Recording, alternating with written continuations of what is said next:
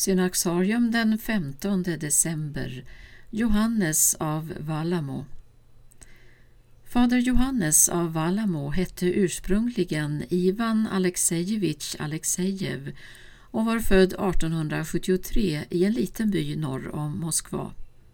Föräldrarna var enkelt bondfolk, fromma i den ortodoxa tron. Som pojke lärde sig Ivan läsa av en kringvandrande pälsskräddare. Han intresserade sig framför allt för helgonbiografier. Redan i tidiga tonår gjorde han tillsammans med en kamrat ett besök i Nils Orskis berömda eremitkloster.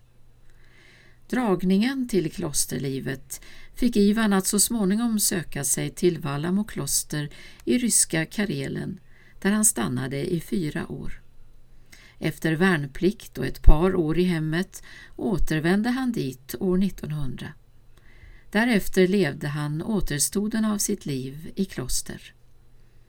Efter tio år vigs han till munk och 1921 till prästmunk. Samtidigt får han uppdraget att bli föreståndare för Sankt Trifons kloster i Petsamo vid Norra ishavet. Han tillbringar elva år i dessa bistra trakter Förhållandena är ytterst svåra och han förfaller till alkoholmissbruk. Det slutar med att han får återvända till Valamo dit han hela tiden längtat tillbaka. Ivan blir nu schemamunk, en som följer de strängaste klosterreglerna och det är i samband med det som han får namnet Johannes. År 1938, när fader Johannes är 65 år, blir han vald till hela klostrets biktfar, ett uppdrag han har fram till sin död.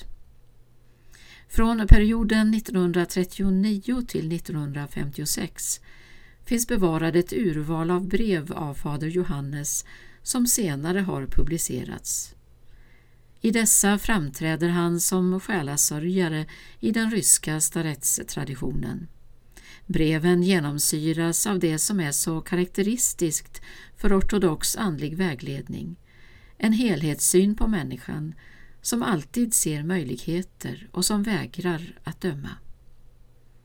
I ett av breven skriver fader Johannes till den som söker råd för sitt böneliv.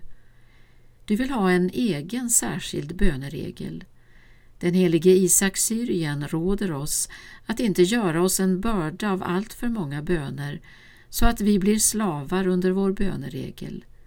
Att slaviskt följa regeln berövar oss vår frid. Under andra världskriget tvingades munkarna lämna sitt kloster på ön Valamo i Ladogasjön. Man flyttade då till östra Finland och slog sig ner i Nya Valamo där fader Johannes dog 1958 och begravdes på klostrets begravningsplats.